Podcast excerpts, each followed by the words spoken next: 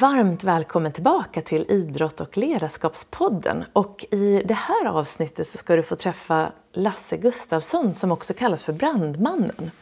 Och vi pratade så pass länge så att det här avsnittet har blivit indelat i två.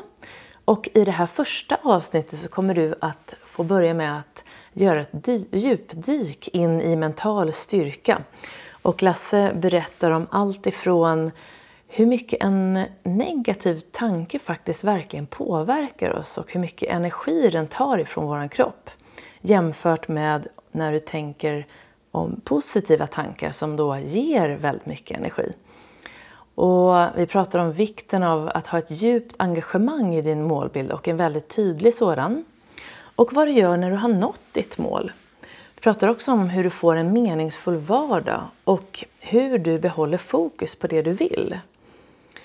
Och eh, något som vi kommer in på är också att det är så skönt att hitta något som faktiskt inte förändras eftersom förändring verkar vara en av våra största rädslor. Och så pratar vi en hel del om smakfaktorerna och vad som leder till framgång och mental styrka. Ehm, och det är bara några av sakerna vi pratar om. Men nu ska jag själv lämna dig till det här avsnittet. Så luta dig tillbaka, ta ett djupt andetag och eh, nu kör vi!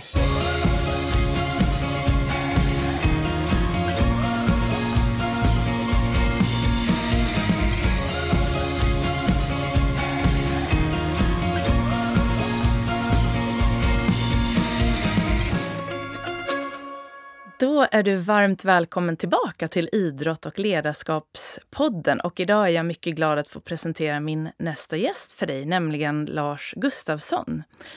Lasse är en av Sveriges främsta föreläsare och driver sin verksamhet med tre saker i fokus. Kraft, kärlek och visdom. Och som han själv uttrycker det, man måste ha dessa tre kvaliteter med sig i sina handlingar. När de här tre delarna hänger ihop kan man känna den där riktiga glädjen. För 37 år sedan ändrades Lasses liv helt då han vid 24 års ålder och ny på jobbet som brandman tillsammans med en kollega hamnade mitt i ett eldhav. En gasledning i oljehamnen i Göteborg hade sprängts. Lasse överlevde hettan på 800 grader. Lasse återvände till brandkåren två år efter olyckan och började sedan alltmer anlitas som föreläsare för både brandmän och sjukvårdspersonal. Och senare blev han friskvårdskonsulent inom brandförsvaret, gick vidare till studier och startade 1994 en egen firma för utbildningar och föreläsningar. Lasse skrev boken Leva vidare år 2004 om sina erfarenheter före och efter olyckan. Och han är utbildad handledare i debriefing, mental träning, FIRO, grupp och organisationsutveckling och han är också certifierad coach. Han ger också längre utbildningar i retorik och inre ledarskap och har varit med i flera radio och tv-program. Lasse bor idag i Göteborg, är sambo med Lena och har tre vuxna barn. På en föreläsning som jag lyssnade på med Lasse berättar han om olyckan, men framförallt vad som hände efter olyckan. Han säger så här. Mina värderingar brann upp tillsammans med mitt ansikte den där natten. När jag vaknade upp var det till en ny värld, en värld av skönhet. Varmt välkommen hit, Lasse. Tack så mycket Jenny. När du säger varmt välkommen, är det någon form av Göteborgshumor i det då? Nej, det var inte tänkt så. Nej, okay. det, var ett, det var ett kärleksfullt välkomnande jag tänkte på. Tack för det. Du, när jag beskriver din historia på det här sättet, är det någonting som du vill lägga till eller så? Eh, nej, eh, möjligtvis att det var inte jag som skrev boken utan jag hade en skribent som skrev den i samråd med mig. Okej. Okay. För att vara lite sådär tråkigt korrekt så vill jag ändå säga det. Absolut. Kan man få tag i boken fortfarande Nej, den idag? är slut på förlag. Ja, den är det. Möjligtvis i något bibliotek kanske, men det var inte så att alla bibliotek köpte den, men vissa gjorde det vet jag. Just det. Du ska inte trycka några fler? Nej. Nej. Ja, då, då får vi gå till biblioteken helt enkelt i så fall, om vi vill ha den. Just det. Du Lasse, vi kommer att prata jättemycket om eh, mental träning, mental styrka och dina erfarenheter från, från det området bland annat. Men jag vill börja lite med nu, om nuläget. Um, hur kan en dag i ditt liv se ut just nu som det ser ut? Jag har väldigt få rutiner egentligen eftersom att jag reser mycket i mitt jobb. Så um, finns det ingen liksom generell vardag eller generell helgdag för mig. I lördags så hade jag och Lena ett par vänner på besök som vi inte har träffat på ett bra tag och det beror bland annat på att min, våran vän då Björn också är ute mycket och föreläser. Men så fick vi liksom till det på väldigt korta puckar och det var jättetrevligt att se dem här och vi satt liksom och pratade om hur livet är just nu och ja, fick liksom njuta av varandra. Sen så är det ju så idag till exempel så har jag inga uppdrag annat än den här intervjun med dig då så att eh, då har jag passat på att stå lite grann vid kontoret, fixa med eh, faktureringar. Jag har gått en promenad när det var soligt och sen hann jag med besök till tandläkaren innan hällregnet drog igång här på västkusten. Just det, regnar det hos dig idag? Just nu gör det det, ja. absolut. Ja. Ja, det är en häftig miljö, alltså Göteborg. Jag bodde där en liten stund och jag kommer ihåg att det var regnet och blåsten. Det är det jag kommer ihåg av, eh, av vädret. Ja, Men ja. Man, känner, man känner att man lever också. Ja, just det. När regnet piskar ansiktet på en så vet man det att jag lever. Det är sant. Exakt. Du, jag har ju kommit i kontakt med dig flera gånger, bland annat via eh, Lars-Erik Unestål och genom den mentala träningen. Och eh, där i den här licensierande mentala träningsutbildningen så ingår en föreläsningskurs med dig och din kollega. Eh, och jag undrar om du kan berätta lite om hur din verksamhet ser ut idag och vad du jobbar med? Ja, just den här föreläsarkursen då, det är alltså en talarträning. Tala så det känns, heter liksom själva utbildningen. Och det är ju som ett träningsläge med mig och Henrik Mattsson där vi kör korta teoripass och ser upp och stå och leverera och så feedback på det och så varvar vi liksom sådär då för att folk ska träna sig i de, i de egenskaper som de känner att de skulle vilja utveckla eh, framför folk. Det är ju då både föreläsare men det kan också vara någon som har sökt en chefstjänst eller som bara vill bli tryggare helt enkelt. Vi hade en deltagare vars fru skulle fylla 50 om ett år och då ville han göra både henne och sig själv rättvisa i det talet, sa han. Men annars så jobbar jag mycket som föreläsare i Sverige och Norge. Jag, som du var inne på lite grann också, så kör jag en del längre utbildningar. Just nu har jag till exempel kört en tredagarskurs i hållbar förändringsledning och i veckan som kommer här så blir det tre dagars uppföljning på den, så den är sex dagar totalt. Mm -hmm.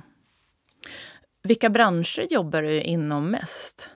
Finns det någon bransch du jobbar mer med? Nej, det skulle kanske i så fall vara så att säga näringslivet som jag tycker kanske är den största beställaren av mina tjänster. Mm. Just det. Du, eh, vi kommer att prata faktiskt lite mer om just näringslivet och ledarskap eh, framåt. Men jag tänkte gå tillbaka lite till din bakgrund och om just mental styrka. Eh, vill du berätta lite om vad som hände, framförallt efter din olycka och hur du kom i kontakt med just mental träning? Ja. Eh, vi brännskadade oss livshotande, både min kollega och jag. Leif dog efter en månad eh, i koma. Jag vaknade efter två månader och hade då väldigt allvarliga brännskador. I stort sett samtliga fingrar var amputerade. Jag var blind, jag var stum, jag vägde 40 kilo och mina lungor läckte luft när jag legat i respirator så att jag hade luftblåsor liksom under huden. Jag så, ungefär som du tänker att du har punktering på en slang så liksom kom det luft ut i kroppen via de här hålen då i bronker och så vidare. Så att jag var i ett väldigt, väldigt utsatt och svagt tillstånd när jag vaknade efter två månader. Eh, och sen vet jag inte hur mycket jag ska gå in på det, men på tal om mental styrka då så kan jag väl bara säga det att vad jag märkte väldigt tidigt i det här ytterst försvagade läget, det var det att beroende på vad jag tänkte på så skapade det direkt olika typer av känslor som i sin tur gav upphov till olika typer av inre klimat kan man säga. Och då märkte jag att det fanns inre klimat som, som liksom blev som att det sög energi och gjorde att det blev ännu tyngre att andas. Jag var ju så svag efter att ha legat i respirator i nästan två månader så att andningsmuskulaturen fungerar ju liksom med hjälp av ansträngning och det, det kanske låter konstigt att tänka det men jag tror inte att du eller kanske våra lyssnare någonsin har behövt tänka på att det är ett arbete att andas, mm. eller hur? Ja, precis. Och det är ju för att andningsmuskulaturen den är utvecklad redan när du föds. Vi andas ju vatten när vi ligger i livmodern och det är en förutsättning att vi gör det för att när vi sen föds så ska bröstkorgen och mellangärdet och diafragman kunna så att säga fylla dina lungor med luft. Och, så, och sen funderar vi inte mer på det. Men jag var alltså så svag så att när jag låg här på rygg och skulle då andas själv så märkte jag att jag behövde den lilla energi jag hade till att just andas. Så jag hade inte råd att tappa energi på tankar och känslor som bara sög ännu mera kraft ur mig. Och det, det gjorde att jag, inte för att jag är vis eller välpåläst eller kan någonting inom mental träning, men instinktivt så förstod jag vikten av att hålla mig ren i tanke och känsla under den här utsatta perioden. Och med ren menar jag alltså att jag höll mig till sanningen.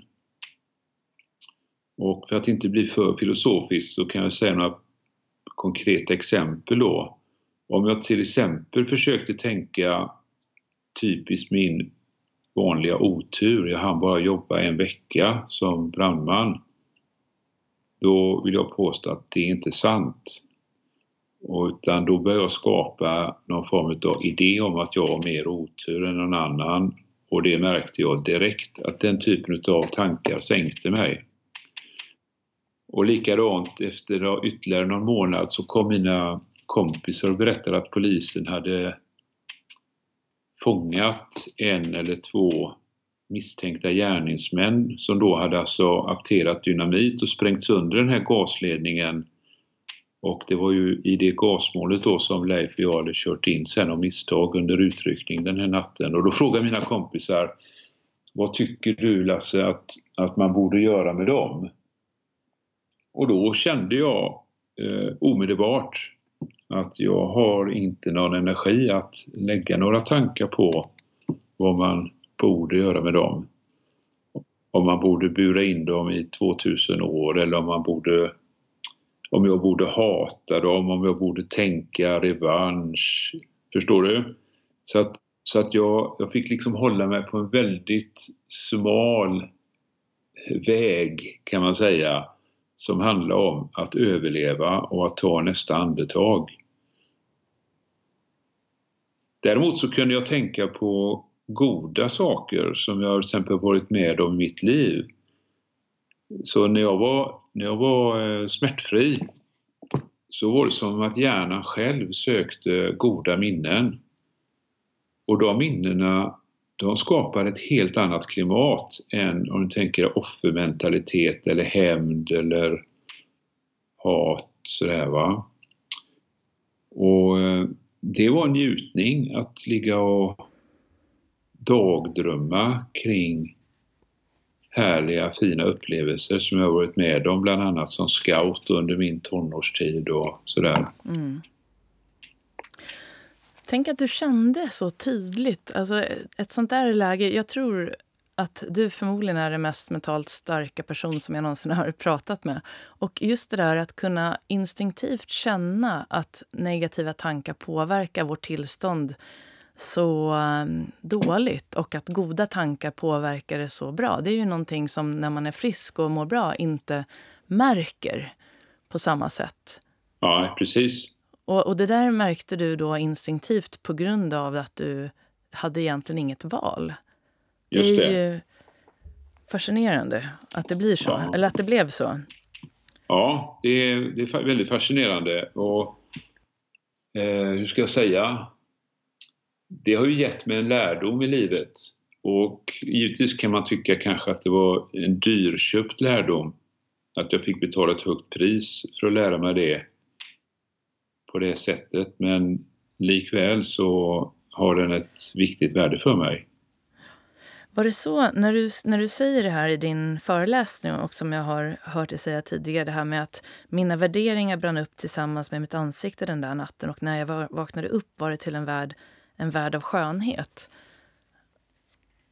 Ja. Om du skulle beskriva, vad var det som du kände var den största skillnaden när du väl kom en, tillbaka sen?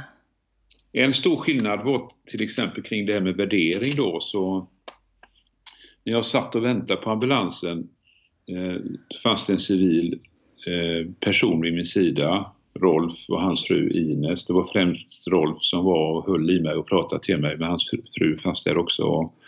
Jag minns att jag liksom i detta kaos som jag befann mig i då så försökte jag begripa eller få grepp om situationen. Känner du till det begreppet KASAM, känsla och sammanhang?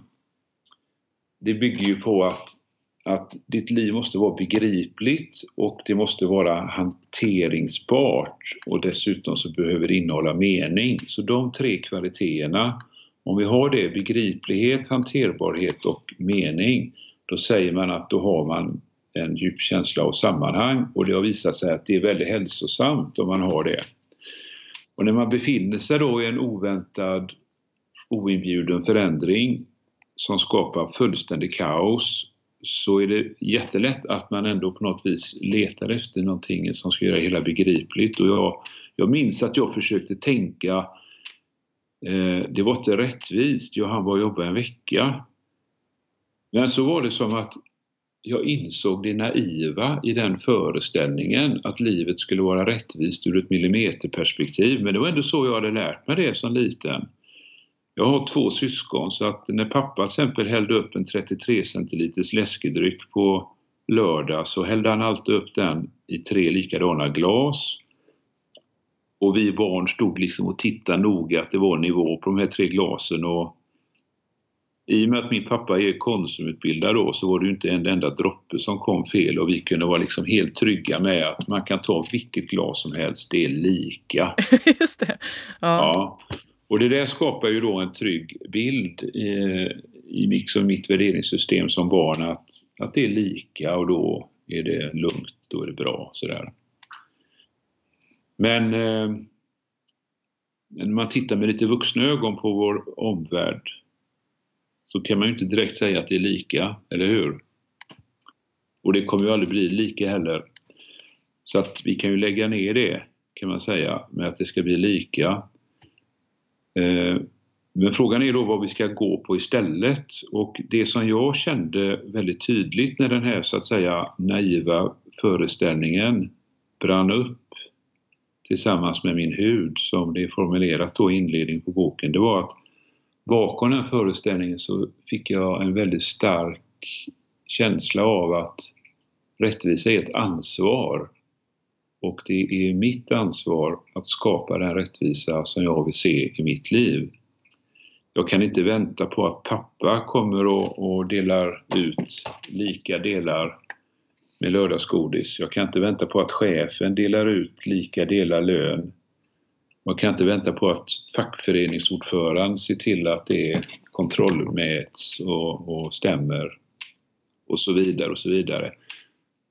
Och det har jag förstått senare i livet att det var en jättebra insikt för mig att jag förstod det med en sådan kraft.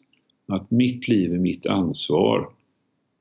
Givetvis så är jag jätteglad att vi lever i ett demokratiskt land med väldigt hög nivå utav jämställdhet och så vidare.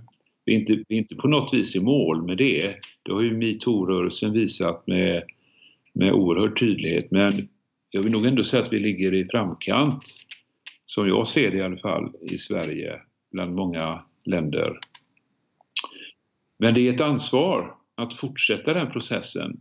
Att fortsätta och se till att vi känner oss eh, alla värdefulla oberoende av kön och bakgrund och så vidare.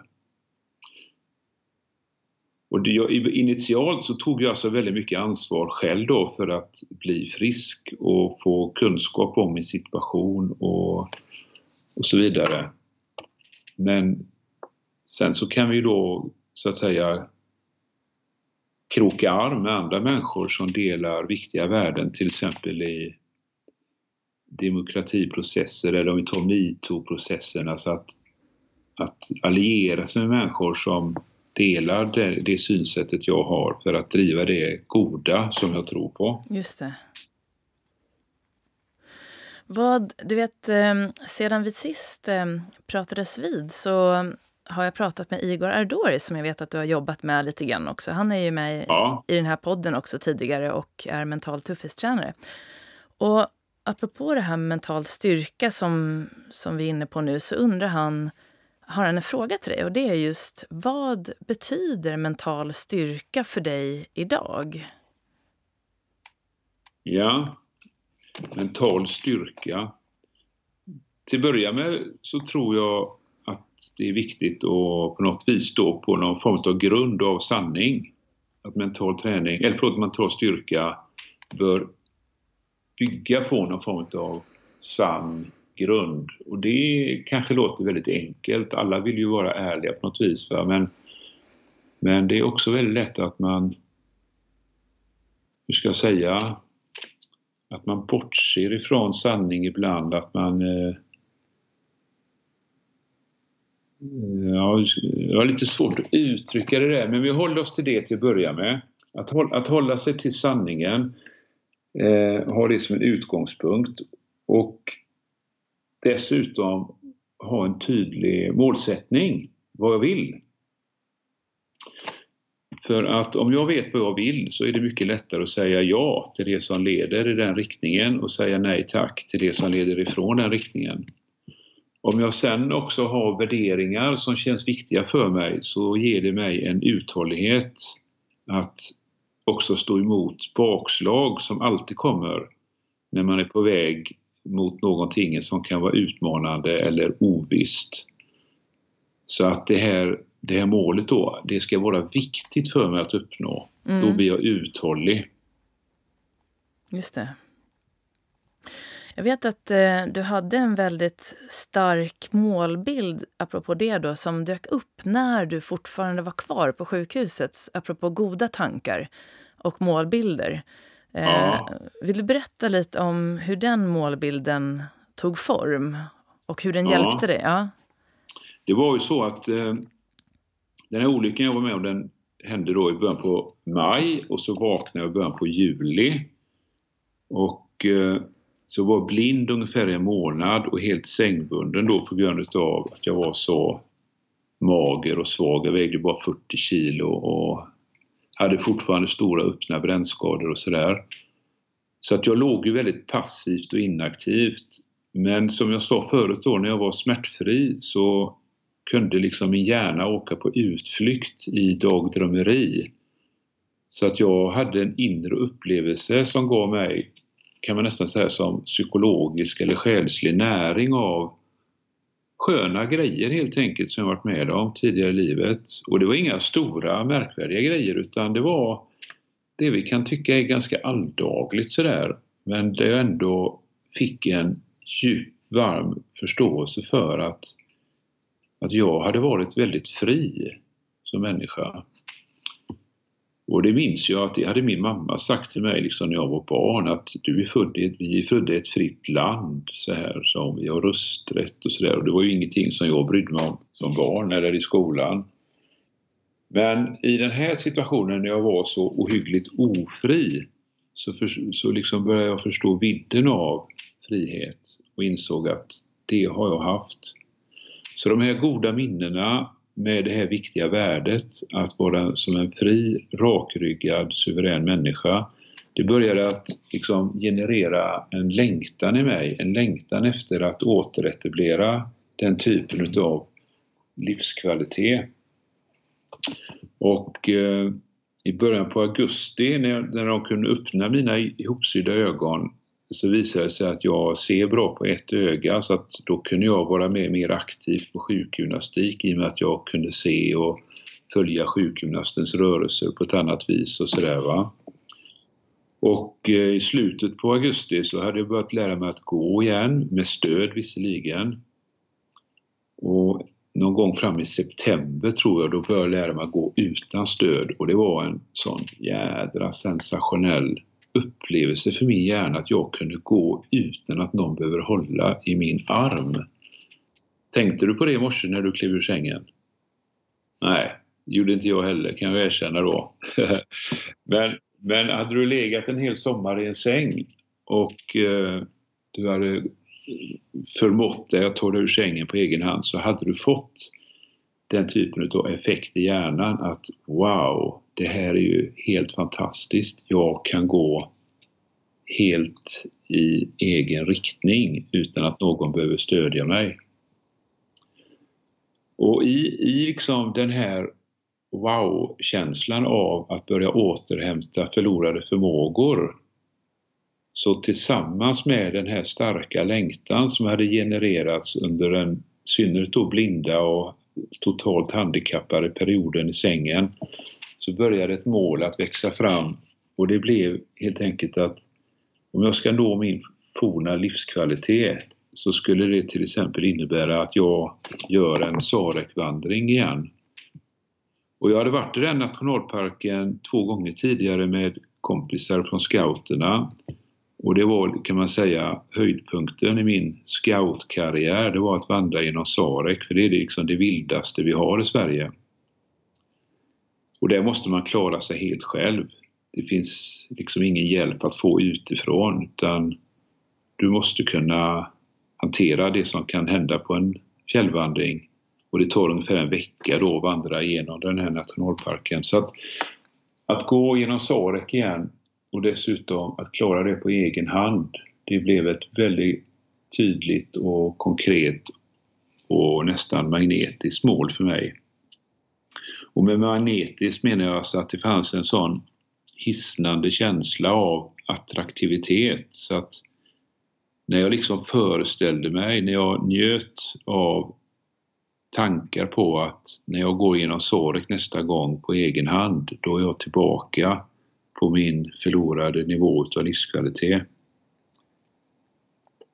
Det gav mig, jag har förstått senare i livet, det gav mig precis all den energi jag behövde för att till exempel träna varje dag fast det gjorde väldigt ont att få igång igenkalkade leder och försvagade muskler som hade gått i kontraktur och tänja på brännskadad hud som sprack och behövde opereras igen och så vidare. Så där, va?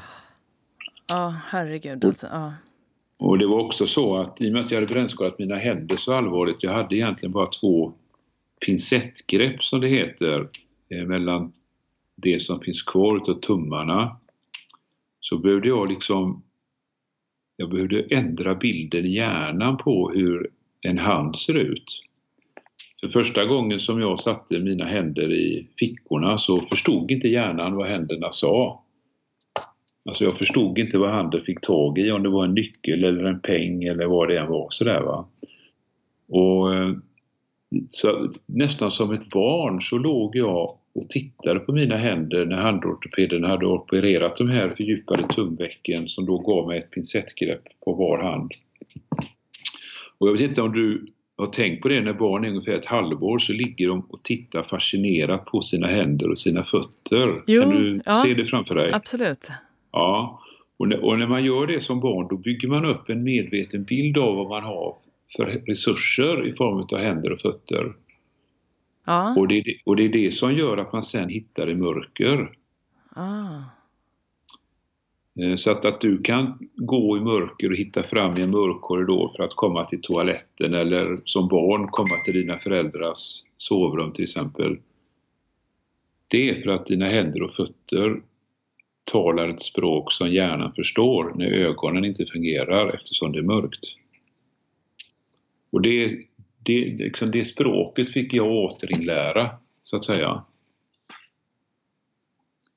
Och eh, återigen, det här målet då som jag hade, att vandra genom Sarek på egen hand, det gav mig precis all den energi, motivation och uthållighet som jag behövde för att göra den här grundläggande träningen både fysiskt och praktiskt, tekniskt med händerna.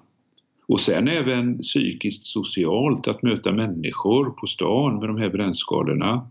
Hade jag inte haft målet att jag ska till Sarek, då hade jag ju väldigt lätt kunnat blivit så att säga hospitaliserad, alltså att då hade jag fastnat på sjukhuset. För där är det tryggt att vara. Där är ju personalen välinformerad och utbildad att kunna relatera till svårt skadade människor. Men på stan är ju folk i allmänhet inte det. Nej men exakt, där har du ju, jag vet att jag har läst om det, hur du, bland annat när du var med din son, tror jag det var, på, berättade att ni hade varit på McDonalds, tror jag det var. Kommer du ihåg det? Ja, ja när, han, det. när det var ett annat barn som frågade ditt barn så här, men eh, vad har din pappa gjort? Och ditt barn bara, nej men han har ätit hamburgare. Liksom. Vad är det för konstigt ja. med det? För att dina barn har ju alltid sett dig som, som du är, den du är. Ja, och, precis. och ser inte någonting annat. Men, men hur, hur tacklade du dig själv det? För det här är ju verkligen en mental styrka att möta andras åsikter just när du skulle lämna den trygga miljön då där på sjukhuset. Ja. Alltså jag var ju jag var ju, där var jag lite ovarsam kan man säga då i mina tankar. Eh, det, det hade ju råd att vara också i och med att nu börjar jag bli starkare igen och sådär va. Så att jag fick ju mer livsenergi. Men med ovarsamhet så menar jag alltså att eh, lite omedvetet så, så började jag bygga upp farhågor. Att, att när jag ska ut på stan och åka spårvagn någonstans då kommer nog människor att titta på mig och tänka om de tänker negativa tankar om mig och sådär. Det var, inte det, det var inte det att jag var rädd att människor skulle komma fram och vara dumma mot mig. Men, men det var utmanande och jag var rädd kort och gott att möta människors reaktioner. Och eh, givetvis så besannades det. Det är, ju, det är ju tyvärr så att om du är väldigt, väldigt rädd för någonting så är det det som ditt sinne fångar. Och då får du bekräftelse på att jo, jag hade rätt. Min rädsla stämde. Sådär va. Känner du till den urskiljningsprocessen? Att, att det ditt sinne är uppkopplat på, det är det du ser? Absolut. Ja. Det var så tydligt vid ett tillfälle, min, min kära bonusdotter Vilma, hon blev väldigt tänd på att köpa en schysst cykel. Och hon visste också att jag älskar att cykla. Jag har ju mängder med cyklar. Jag vet inte om du känner till det gamla djungelordspråket att cyklar delar ju det med hästar, att de trivs i flock. Känner du till det? Nej, det gör jag inte. en, en ensam cykel är en ledsen cykel. Ja, det är så. ja, så att därför så har jag flera cyklar så att de ska kunna känna vi-känsla och sådär. Så att hon frågar mig, Lasse skulle du kunna hjälpa mig att köpa en schysst cykel? Skulle gärna vilja cykla mer och cykla till jobbet och så vidare. Så tog jag med henne till fina cykelaffärer här i stan. Så hittade hon en cykel som hon tyckte, wow, den här gillar jag. Och det var då en Specialized och just den här modellen hette Avol. Mm. Ja, och sen efter någon vecka så, om jag ringde henne eller hon ringde mig, det minns jag inte riktigt, men så frågade jag liksom, hur har det gått med hojen Vilma? Är det kul eller? Ja, det är jätteskoj och jag har hittat en schysst väg till, till jobbet och, och vet du Lasse, sa hon, ja. jag har sett fyra vål i stan den här veckan. Ja, just det. Härligt Vilma, så här, ja. sa jag. Och då kan, man ju, då kan jag ju fråga dig igen, hur många Avol har du sett den här veckan? Nej, noll. Ja, precis. Medvetet. Ditt, ditt sinne är ju liksom inte inställt på specialized avol. Eh, Exakt, och så, ja. är, så verkar det vara alltså med sinnet att det, det du på något vis ställer in din inre kompass på det är det du i större utsträckning får syn på sen. Och det märker man ju till exempel om man blir när man blir förälder, så jag märkte det när jag blev förälder, helt plötsligt så såg jag andra pappor som var ute och gick med barnvagnar. Det hade jag ju inte tänkt på innan jag själv blev pappa och så här va. Eh, så hur som helst, jag, jag såg ju liksom just att människor tittade på mig, gärna i smyg sådär vet du. När man stod vid spårvagnshållplatsen så tittade folk i smyg och, och det som också var signifikant det var ju det att om jag då tittade på dem då, då vänder de ju bort blicken omedelbart så och börjar titta på klockan eller titta på himlen om det skulle sluta regna snart eller du vet sådär va. Så det fanns lite grann en feghet upplevde jag i det vuxna svenska samhället. Eh, att, att, in, att man blir generad för man har lärt sig att man ska liksom inte titta på det man ska inte titta på invaliden. Har du också fått lära dig det?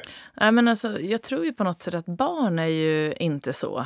De är ju ja, de väldigt... De har inte lärt sig det ännu. Nej, precis. De, de tittar och ja. så ställer de sina frågor och sen är det lugna puckar med det. Ja. ja.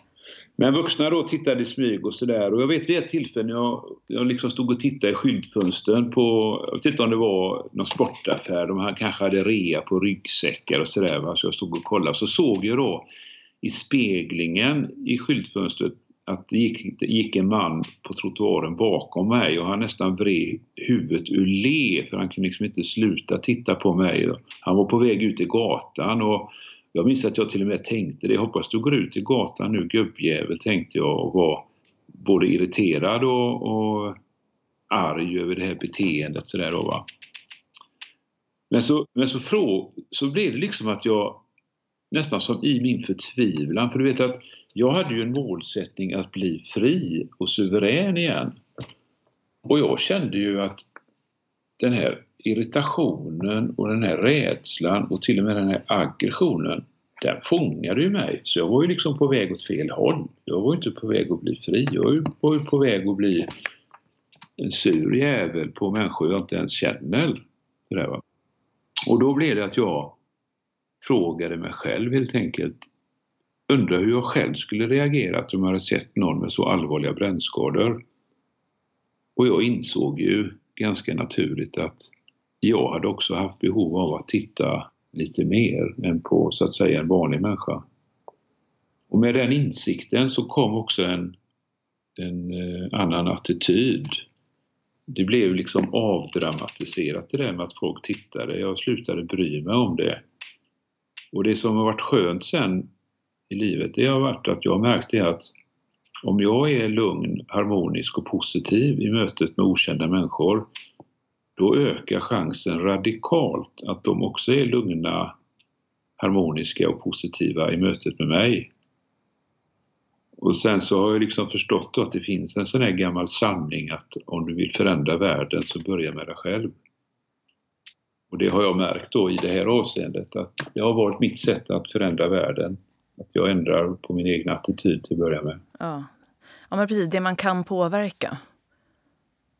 Ja, men jag har inte haft för avsikt då att påverka andra människors beteende. Men jag har lagt märke till att genom att jag påverkar min egen attityd och hållning och beteende så, så ger det någon form av genklang. Alltså det speglas i att andra människor också blir lugnare och så vidare.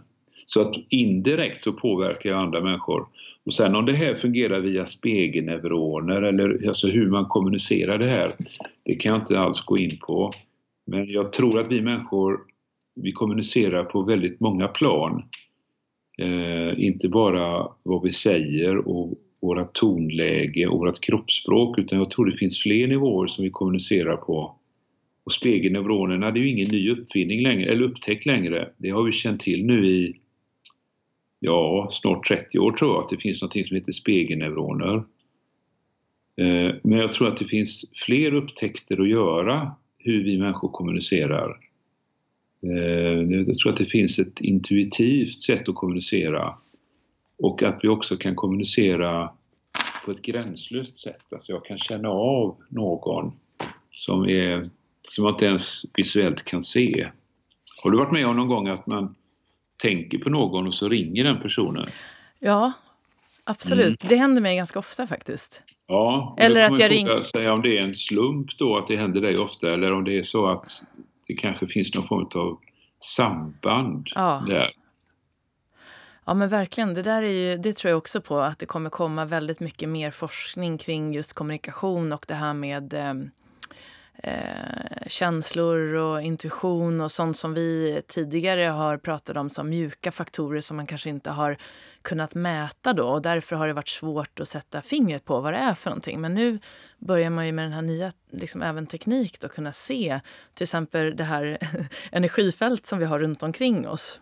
Just det. Och hur det, att det finns mätbart nu, att man ser att det finns runt omkring oss. Eh, och det där energifältet påverkar då såklart alla andras energifält. Ja. Och, och att ibland funkar det bra tillsammans och ibland inte beroende på hur våra tillstånd är just då. Ja. Ja, man behöver liksom synka ihop sig med varandra att det ska funka bra, tror jag. Ja. Mm. Men du, Lasse, hur kändes det sen när du var... Jag vet ju att du nådde din målbild. Ja, när du kom... och en del, en del i min mentala förberedelse då, det var ju liksom att, att njuta av den här drömmen. Ja.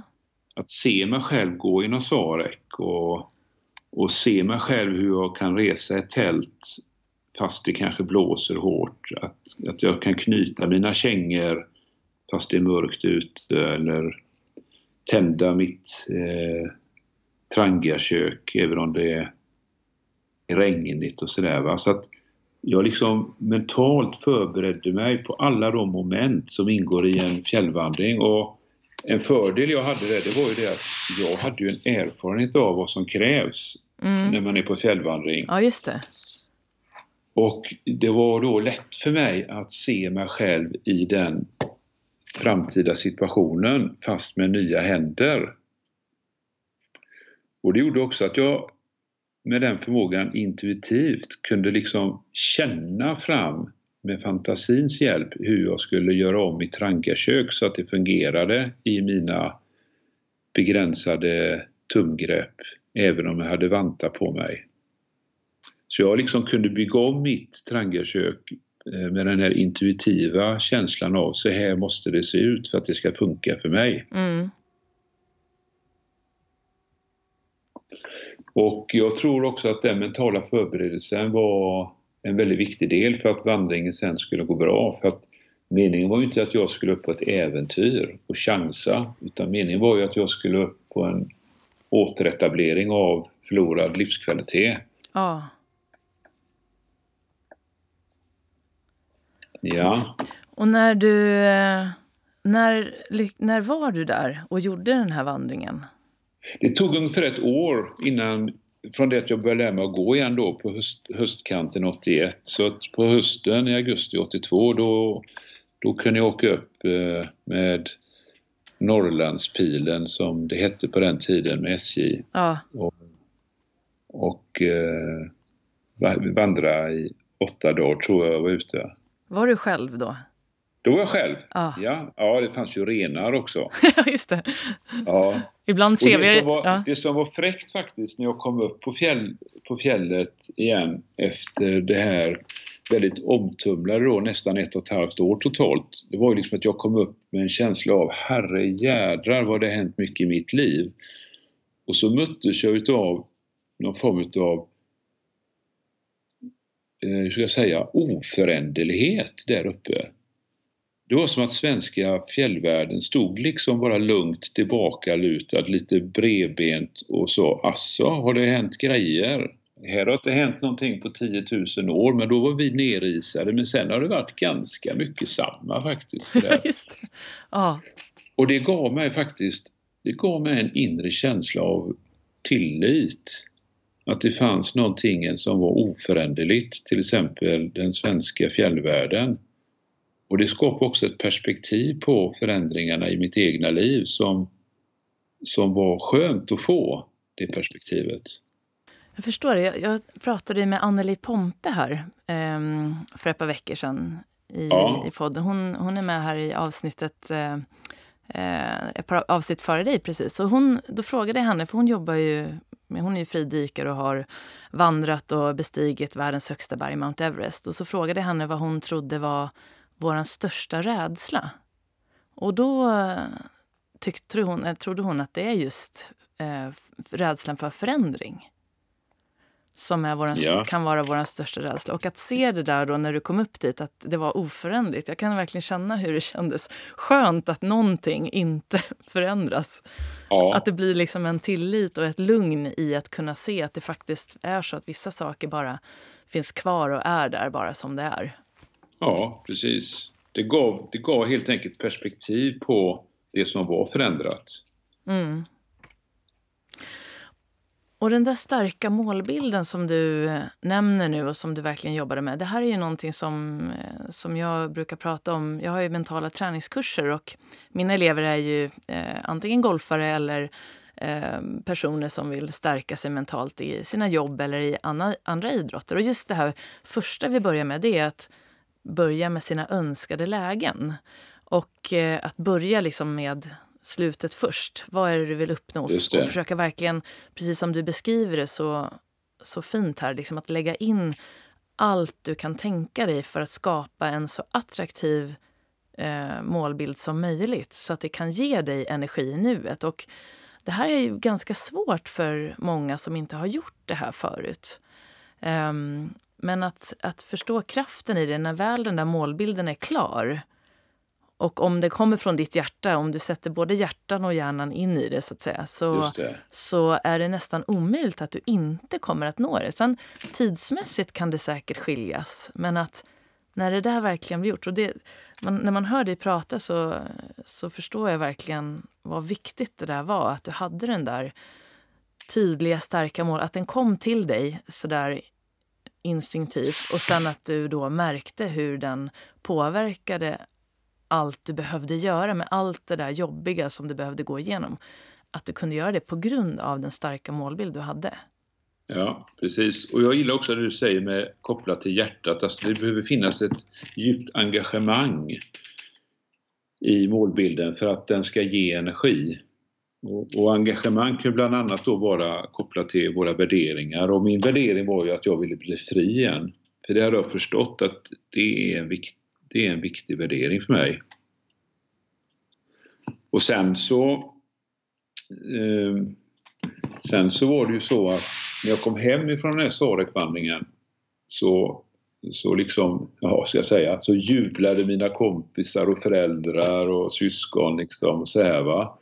Men efter en vecka, tio dagar någonting så, så la sig den här känslan av, ska man säga, triumf eller revansch och och jag märkte att jag började liksom få svårt att komma ur sängen på morgonen. Jag tappade motivation och jag liksom kunde snegla ut liksom när klockan var över nio på morgonen. Ska jag, ska jag gå ut och träna idag? Nej, fan vad det ser muligt ut. Det blir nog regn. Och jo, då var jag alltså hemskriven, för nu var det ju ett och ett halvt år nästan eh, sen jag hade skadat mig. Så jag var ju hemskriven men fortfarande sjukskriven eftersom jag skulle in sporadiskt för små operationer. Och vad jag lärde mig på det här, det var det att det var väldigt viktigt för mig att ha någonting varje dag att se fram emot för att jag skulle känna mig motiverad och tycka att min vardag är ja, just meningsfull eller kul eller liksom att jag är nyfiken på nästa dag. Så jag lärde mig liksom att på kvällen när jag gick och la mig att på något vis bestämma vad jag skulle göra nästa dag. Så att, så att jag helt enkelt eh, hade lust och energi att hoppa ur sängen och käka frukost och sticka iväg på det som lockade mig. Och sen när jag var färdigopererad då efter totalt två år så började jag jobba igen på brandkåren. Och eh, efter ett halvår knappt på kontoret där så fick jag möjlighet att börja jobba på utryckningen igen. Och sen jobbade jag som utryckningschaufför och det var också en väldigt viktig revansch för mig som också bidrog till den här känslan av att vara tillbaka på samma nivå. Och det var i samband med att jag jobbade på brandkåren igen som jag kom i kontakt med mental träning. Så att det var egentligen först då, flera år efter olyckan, som jag började träna mental träning, läsa böcker som handlade om mental träning men också då känna igen att väldigt mycket utav det jag gjorde som ledde till framgång under den här utsatta perioden är ju beskrivet på olika sätt inom den mentala träningen. Och så la jag också pinsamt märke till att en del saker jag gjorde som bromsade min framgång var också beskrivet då i den mentala träningen. Alltså när man har fel attityd och inte riktigt hittar den vinnande känslan och så vidare.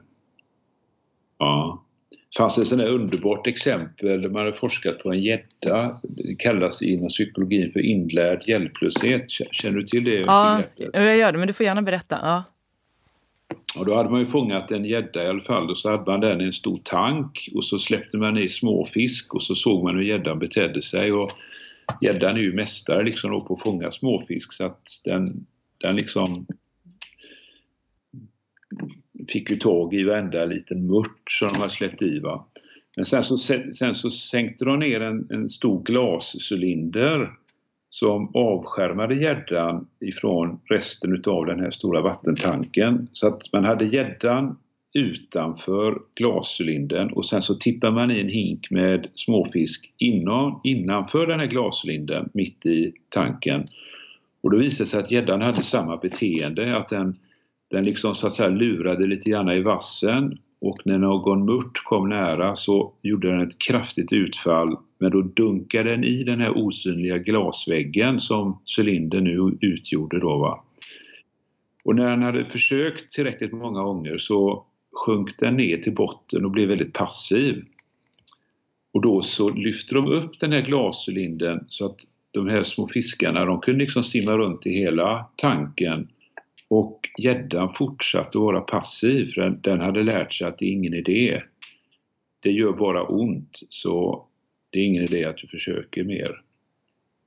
Och då kallar man det då för inlärd hjälplöshet. Och det kände jag ju också igen på lite olika sätt. Bland annat jag hade föreställt mig och hade farhågor att människor skulle titta på mig och tänka negativa tankar. Det var ju ett, ett sådant exempel på hur en negativ föresats att det här kommer göra ont gjorde, mig onödigt passiv på olika sätt. Mm. Jag tänkte på det här med eh, när man är med om svårigheter. Och eh, Jag pratade lite med Jamina Enedal som också är mental tränare. Hon har skrivit en bok som heter Under ytan. Och hon är, eh, precis som Anneli Pompe också, eh, dykare men på, på längden. Hon har världsrekord i längd längdfridykning. Vet du hur långt hon kan komma på ett andetag? Alltså, jag vet att Anneli hon dök 126 meter rakt ner och jag tror att det är på längden som, som Jamina har. Kan det vara 120 meter på ett andetag? Ja, ja jag tror kanske. det. Jag vet inte själv. Nej. Jag är bara nyfiken. Ja. ja, nej men nu blir jag, det ska jag kolla upp. Men ja, det var i alla fall världsrekord när hon tog det och det var, jag tror hon fortfarande har det på längden just. Mm. Um, men eh, jo, då undrar hon, Tror du att man behöver vara med om svåra saker för att kunna bli mentalt stark? Eller kan man träna upp sin mentala styrka på samma sätt ändå? Med tanke på det vi pratar om nu. Ja, alltså då är ju frågan vad som är en svår sak. Alltså måste man vara med om svåra saker? Var är frågan. Och vad är då svår sak? En svår sak, tänker jag, behöver inte vara en olycka eller en sjukdom eller en skilsmässa eller sådär, utan en svår sak är någonting som utmanar mig och som då innebär att jag måste engagera kanske alla mina resurser för att nå dit jag vill nå. Och på det viset så, så kan vi alla skapa utvecklande situationer som innehåller svåra moment. Men som för den sakens skull inte innebär att vi behöver drabbas av någonting som är olyckligt.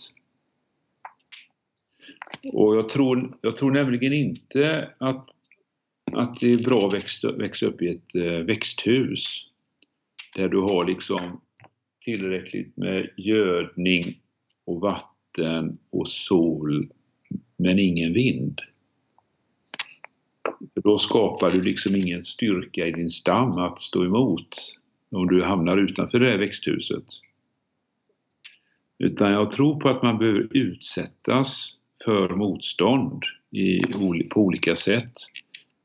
Och att det är i det motståndet som du utvecklar en inre mental styrka. Men återigen, det måste inte handla om att du drabbas av olyckor eller oväntade förändringar. Det kan vara självvalda utmaningar också mm. som stärker dig. Mm. Nej, precis, jag brukar säga just apropå målbilder, om man titta på vilken målbild man vill ha så behöver ju inte det heller vara någonting jättestort, att man ska vinna någon tävling eller och jag ska bli, mm, få det här finaste jobbet, eller, utan det kan vara sådär, eh, den här sommaren vill jag känna mig medvetet närvarande i alla fall ett par gånger i veckan eller någonting sånt. Att man kan ha lite mindre mål för att sen bygga upp den mentala träningen eller mentala styrkan för att nå dit.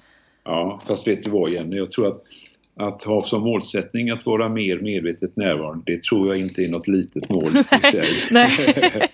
det är ett fantastiskt stort mål och, ja. och, Björn som jag berättade om förut då, han och hans fru som var här i lördags. Björn har ju varit skogsmunk i en väldig massa år i Thailand bland annat och föreläser nu mycket om det här med medveten närvaro och han har ju tränat sig i tiotusentals timmar i det här och, och vet likväl att, att eh, medvetet närvarande kan du ändå bara vara korta stunder men sen handlar det om att ha ett, ett eh, accepterande förhållningssätt till att kanske att tankar kommer och går och att man glider iväg ifrån, ifrån nuet och sådär så att man hittar tillbaka utan mm. fördömanden och så. Mm.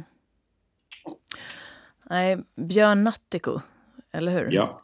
ja. Jag, när, när jag träffade dig så rekommenderade ju du hans podd som han har tillsammans med Navid. Ja. ja. Och, och det fanns ett avsnitt där som hette Visdom. Ja. Och jag lyssnade på det på vägen hem från Göteborg. Och apropå att visdom, då pratar han apropå att vara medvetet närvarande, men att visdom behöver inte vara liksom, åh, nu sitter jag här och ska liksom prata om livets visdom, utan den vardagliga. Han tyckte liksom att det är i, den, i vardagen och i de små sakerna man hittar kanske den starkaste visdomen. Och att vara medvetet närvarande är ju verkligen... Jag håller med dig. Det var där jag tänkte säga att vara medvetet närvarande en till två dagar. Men att vara medvetet närvarande bara en, liksom, en minut eller ett tag, det kan bara där vara väldigt svårt. Och no ja. någonting som man verkligen måste träna på. Och som man kan ja. träna på. Ja. Mm. Och jag, jag, jag vet inte om jag har hört just det här poddavsnittet eh, om visdom, men jag tror att vi människor har lite olika kunskapskällor. Vi har en kunskapskälla som har liksom med det vi har varit med om. Eh, utbildningar vi har gått och livserfarenheter och så vidare. Och det är lite grann som ett bibliotek om du tänker att man kan liksom hämta man kan hämta erfarenhet och kunskap ifrån sitt samlade bibliotek.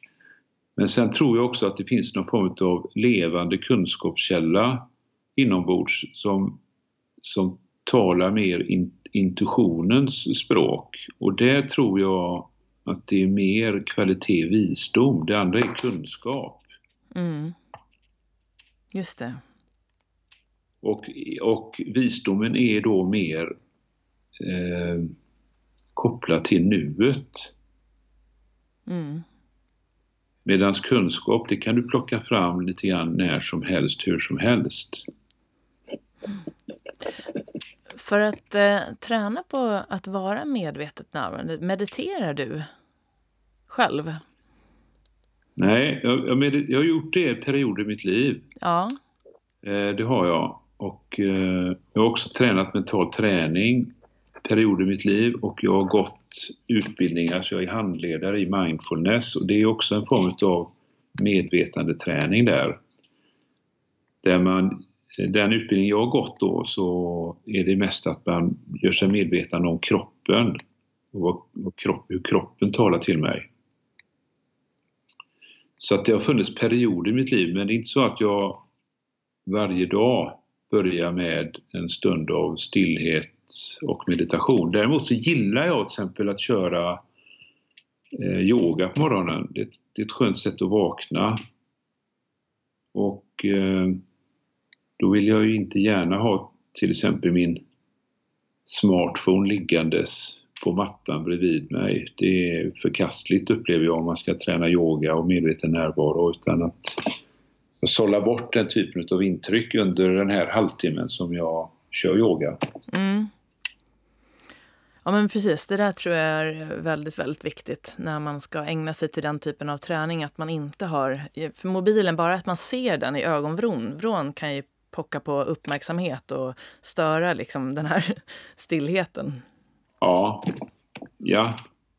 Det har ju visat sig att, att ha liksom en smartphone i närheten, det är ungefär som att ha ett barn vid sin sida. Ja. Så fort det klingar till i den så är man där och kollar direkt. Va? Ja. Och så är det en del som säger, ja, men man kan ju stänga av telefonen då. Ja, då är det ungefär som att ha ett sovande barn vid din sida. Ja, precis.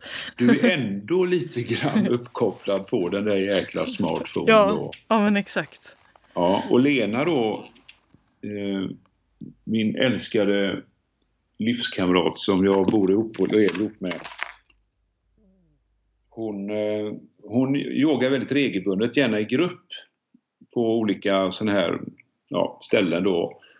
Och, och där har det blivit att där får läraren ibland säga till att vi, vi stänger av våra smartphones om vi ska vara här inne och köra yoga. För det sänker kvaliteten även på den som är jämte dig som har din smartphone på. Så att vi behöver alltså utveckla en disciplin hur vi ska använda oss utav mental, eller förlåt, eh, modern teknologi för att inte, att inte liksom störas mentalt och i, i det här med att vara närvarande och fokuserad. Nej men precis. Och nu har det precis kommit ut en bok här av Anders Hansen som skrev eh, Hjärnstark tidigare och den heter Skärmhjärnan. Aha. Han är ju då eh, läkare och eh, inriktad på hjärnan.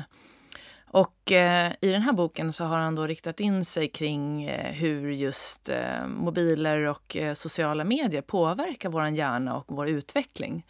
Och nu har jag inte läst den än, för den har precis kommit ut i butikerna, men det, den har han tagit med mycket av den här forskningen som nu har börjat komma, som man har gjort sen, jag tror att det var 2007 som eh, mobiltelefonin liksom blev så pass stor så att man kunde börja se att en väldigt stor mängd människor hade då iPhones.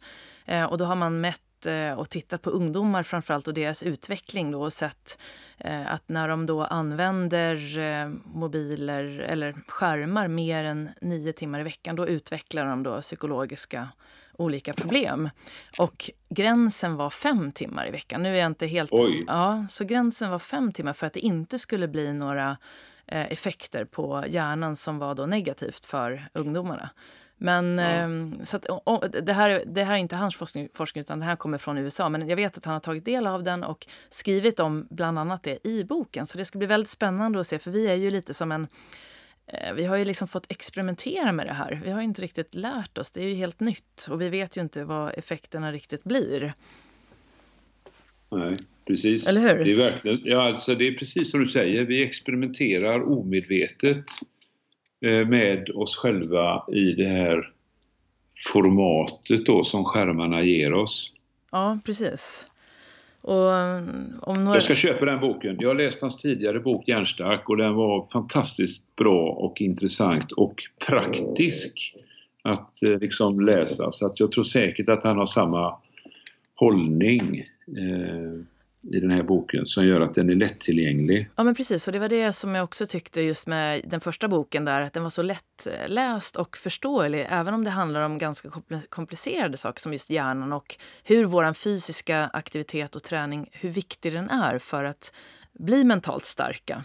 Eh, eller hur mm. det påverkar hjärnan positivt då. Och tvärtom då, när vi inte rör på oss, hur det påverkar åt andra hållet. Ja. ja jag tyckte det, så det ska bli jättespännande.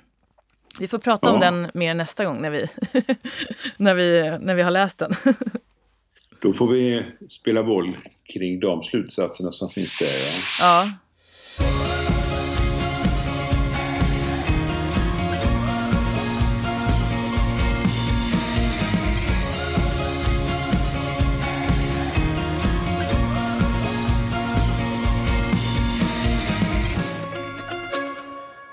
Då har du fått lyssna till det första avsnittet med eh, Lasse Gustafsson. Och jag hoppas att du har fått med dig en hel del klokheter och eh, tips och råd som du kan ta med dig in i din vardag. Och vill du veta mer om Lasse så kan du gå in på hans hemsida som heter www.pan.se. Det är pan.se. Och där kan du också läsa om hans öppna föreläsningar och utbildningar och eh, en hel del annat eh, smått och gott om just Lasse. Och eh, det här samtalet kommer då att fortsätta nästa vecka i del två så jag hoppas att du är med oss även då. Tills dess, ta hand om dig så hörs vi snart igen. Hej då!